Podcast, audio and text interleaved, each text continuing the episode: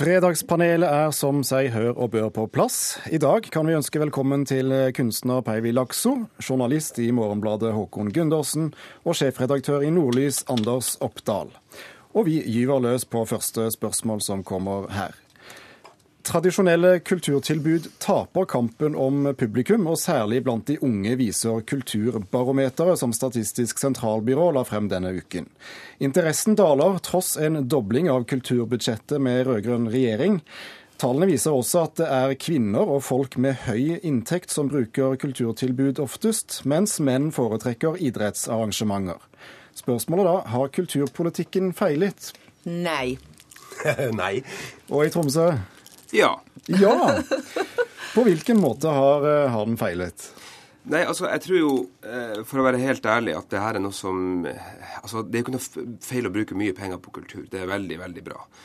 Men jeg tror ikke man gjennomgående har tatt inn over seg de mediemessige og kulturmessige endringene som, som har har skjedd de, de siste fem-seks årene. Så jeg tror ikke på en måte det er snakk om at man bruker, bruker, for lite penger på kultur. Man kan sikkert bruke mer penger på kultur, og man har sikkert brukt nok penger på kultur. men men jeg bare ser på meg sjøl eh, og min bedre halvdel. Eh, vi har jo normalt sett eh, pleid å gå på teater, og det har det blitt mindre av det siste året. Rett og slett fordi at inne i stua mi så er mangfoldet av, av kvalitets, kultur, kvalitetsunderholdning blitt høyere.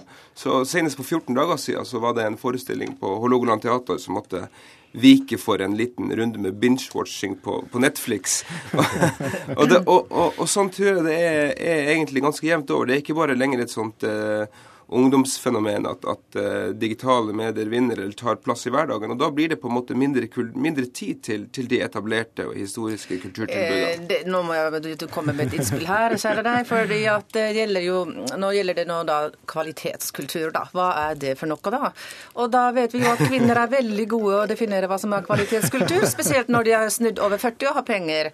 Da kan de gå på teater og konserter osv. osv. Men selvfølgelig, dagen er en annen, og da tar det faktisk tid. å evaluere samtiden sin. Altså Da sier du at det har slått feil nå, politikk. Jeg tror ikke at det har slått feil. Jeg tror at det er noe at man må begynne å leve med tiden og begynne å definere på nytt. Akkurat som Blu-ray og DVD og alle disse tingene som opp, Ting forsvinner. Men jeg må si menneskelig, menneskelig kontakt er viktig. Gå på teater. Folk har ikke lyst til det. Facebook, Twitter, og så har du sånne filmer hjemme. Og, men det, men det, det slår ikke den opplevelsen. Å oppleve eh, bilder, skulpturer, performance Performance er skummelt. Har du merka at uh, besøkstallene har gått ned på din utstilling i Feivi? Nei, for jeg har ikke stilt ut på en stund, men det har vært, uh, jeg har hatt offentlige utsmykkinger. Jeg har masse barn som vasser frem og tilbake bildene mine Spørsmålet var om kulturpolitikken har feila fordi at menn går på idrettsarrangementer og kvinner over 40 med høy utdannelse går på mytene. Ja, men det er jo ikke noe galt i det. At menn Nei. gjør det, og kvinner gjør det, og de med høyt utdannelse må jo også få lov til å gå på et eller annet. Så det er, så det er stort sett greit. Men jeg er uenig med, med redaktøren i Nordlys, Oppdal, at uh, det skjer jo ting. Og for min del så kan det være mye av det samme som du sier, Oppdal. Men altså, den glimrende kulturpolitiske satsingen som har blitt til den digitale bokhylla.no, den har forandra mitt liv. Jeg tror jeg har vært tidenes i hvert fall den flittigste bibliotekbruker jeg selv vet om. Men det siste året, etter at den har kommet, så bruker jeg jo det langt mindre. Ja, og det er på en måte som er mitt poeng, kanskje å bruke pengene litt annerledes. Og så tror ja, jeg kanskje det Der har de gjort det bra. Ja, eh, men så tenker jeg at lykken i livet kanskje ikke er nødvendigvis at du har 3% nedgang her, ikke sant, når vi snakker innenfor teater eller, eller, eller kunst som, som, fysisk må oppleves. Kanskje man skal på en måte stikke litt fingeren i jorda og si at OK, vi får ikke de samme volumene som før, men, men, men, det er viktig likevel. Og sånn sett så er det jo viktig å investere i det. Jeg tror at det er også bølger, at vi er inne i det er, Livet går i bølger. Og det kan være at vi er inne i en periode nå at det er veldig lite bruk, spesielt av de yngre, til disse. De jo, altså det er så masse tilbud. Du må velge. Da velger de rockekonsert, ikke sant.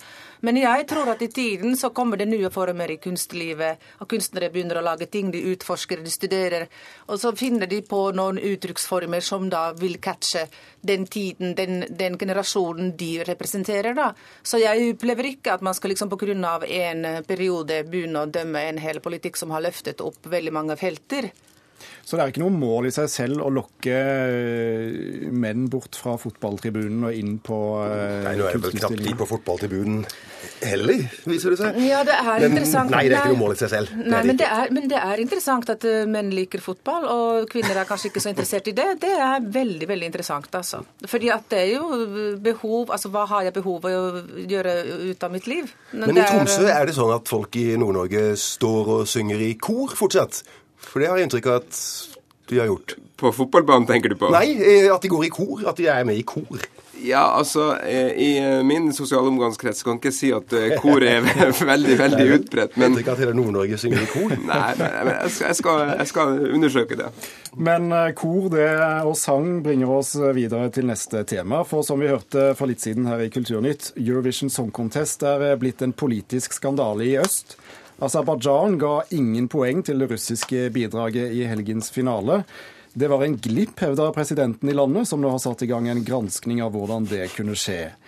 I stedet fikk eh, derimot naboen Georgia ti poeng, noe det landet ikke skulle hatt, ifølge presidenten. Russland ga på sin side tolv poeng til Aserbajdsjan, og nå diskuterer utenriksministrene hvordan de kan løse denne krisen. Er det riktig å blande politikk inn i det vi tenker mest på som sirkus her i vest? Skal vi begynne i Tromsø? Svaret er jo nei. Mm. Ja, kan jeg si ja, bare for å Gjerne det. Ja, jeg sier ja og nei. For det er jo Du sier ja og nei. Ja, ja fordi det er ja, uunngåelig er det. Akkurat som fotballkamp. Det er jo rett og slett krig mellom England og Frankrike, f.eks. Så det er jo ikke noe rart. Vi, vi, dette er et internasjonalt arena hvor hele Europa med enorme mengder nasjonaliteter samles sammen. Og da er det jo veldig gode muligheter til å smøre litt naboene sine, da, sånn som det er vanlig å gjøre i russiske kretser. La oss si denne, disse ja, korrupsjon og sånn. Man må liksom bruke alle arenaer til å kunne utfolde sine ønsker.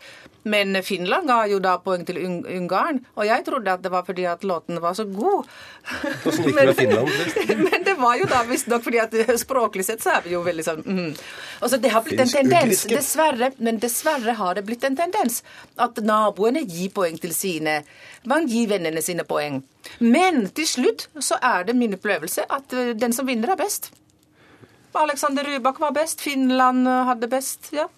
Folket bestemmer altså Melodi Grand Prix og, og, og, skandale, det er jo på en måte går jo som hånd i hanske. Du har jo ikke en eneste melodifestival uten at det sjokkerer og forskrekk. Jeg husker jo den gangen Céline Dion eh, stakk av med seieren for Sveits, så var det jo en stor oppstandelse fordi at hun hadde canadisk pass.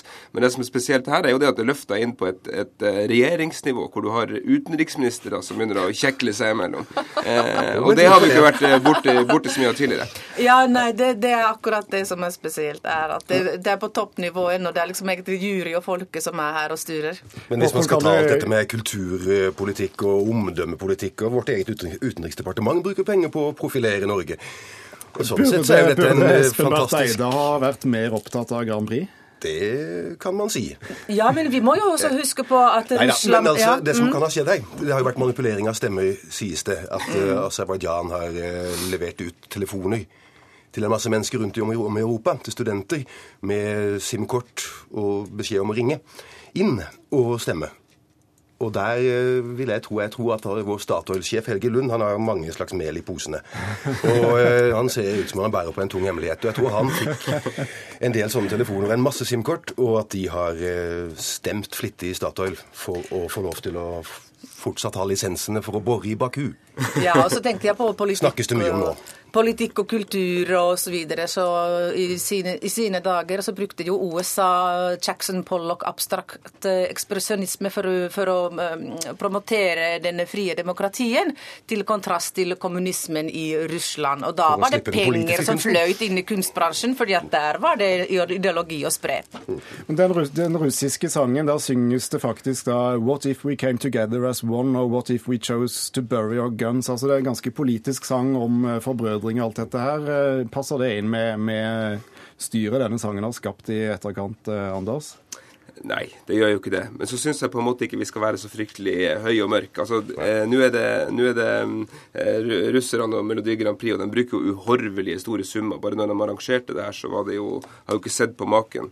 Eh, tenk dere sjøl hvis eh, eh, svenskene f.eks. hadde sabotert for Petter Northug. Jeg er pinadø ikke sikker på om de hadde hatt et og annet regjeringsmedlem her på berget også som hadde uttalt seg. Sånn sett kan det ligne på deltakelse på verdensutstillinger og sånt noe for en del år siden. Som var det dypeste alvor.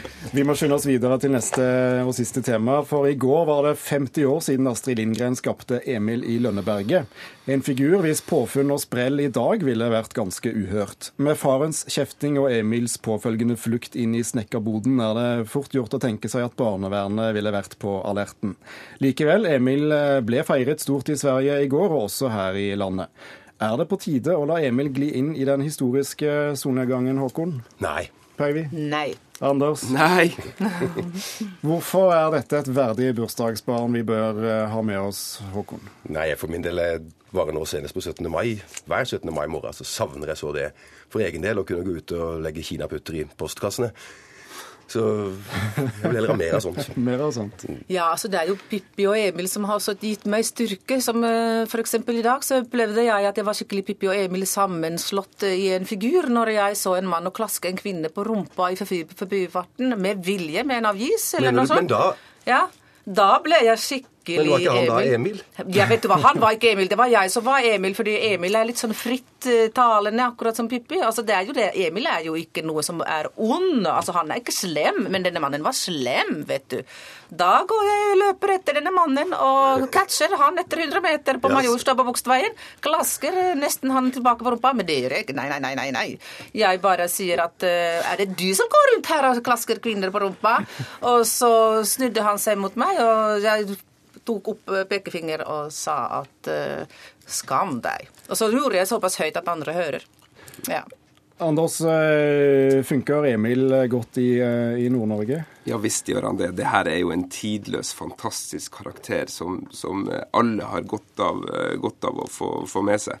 Og så tenker jeg ja, da han ble fader Faren hans han var en, eh, kunne vi fremstå som en tyrann og med kort lunte og sende han inn i snekkerboden som om det skulle vært et gulagfengsel. Men det må jo på en måte forstås inn i, inn i, inn i den samtida. Jeg tenker Det er jo bra at ungene lærer litt om at uh, ting ikke, ikke Sånn var det før, og sånn er det ikke i dag. Ja, altså jeg, bare, det, ja. jeg, bare tenker, jeg, bare, jeg bare tenker sjøl, altså en av mine favorittfigurer det er Albert Aaberg. Faren han var en uh, Eh, kjederøyker når det kom til pipe. Jeg, jeg, jeg, skjønner jo at det gjør du ikke i dag, og det skjønner mine unger også. Ja, men altså, dessverre er det jo veldig mange barn som opplever fremdeles, eh, altså ikke her i Norden, men andre land, hvor barn de blir slått og herja med. Og jeg er jo den generasjonen at min far nesten har jaga oss til snekkerboa, og det er skummelt. En, eh, barn, sånn, altså, barn reagerer ikke på tegnefilm, der er det monstre og masse skumle figurer.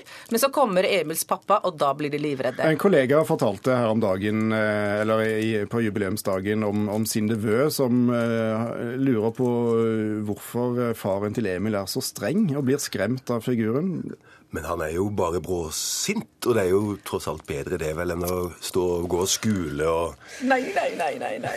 Og oh, være taus. Å oh, nei, jeg, får, jeg er finsk, vet dere. Og jeg får helt pine inni meg. For nemlig, den gamle dagen hadde ikke psykolog eller barneoppdragelse eller noe annet på agenda. Det var ikke tilbud for folk som sleit med temperamentet sitt, og det er veldig fælt. Og så Spesielt når man tenker på finske kriger, borgerkrig, og, og så er det vinterkrig osv. Og, så videre, og så folk blir jo rimelig tøffe å bite tenner sammen, og de også tukter på en gammeldags stil da, videre til neste generasjonen. Det er ikke sunt. Du mener Emils eh, barn og barnebarn? De... Nei, ja, ja, nok tror at Emil har blitt helberedet av Anton eller Alfred. Alfred, du og jeg. Så når vi nå har fått eh, et eh, solid utbygd psykisk helsevern, er det trygt å fortsatt lese Emil?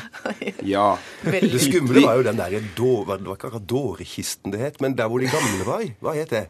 Ja, Det var det der gamle. Det får vi tenke på til neste uke, for nå er Kulturnytt rett og slett slutt. Fattighuset. Ja, Fattiglemmene.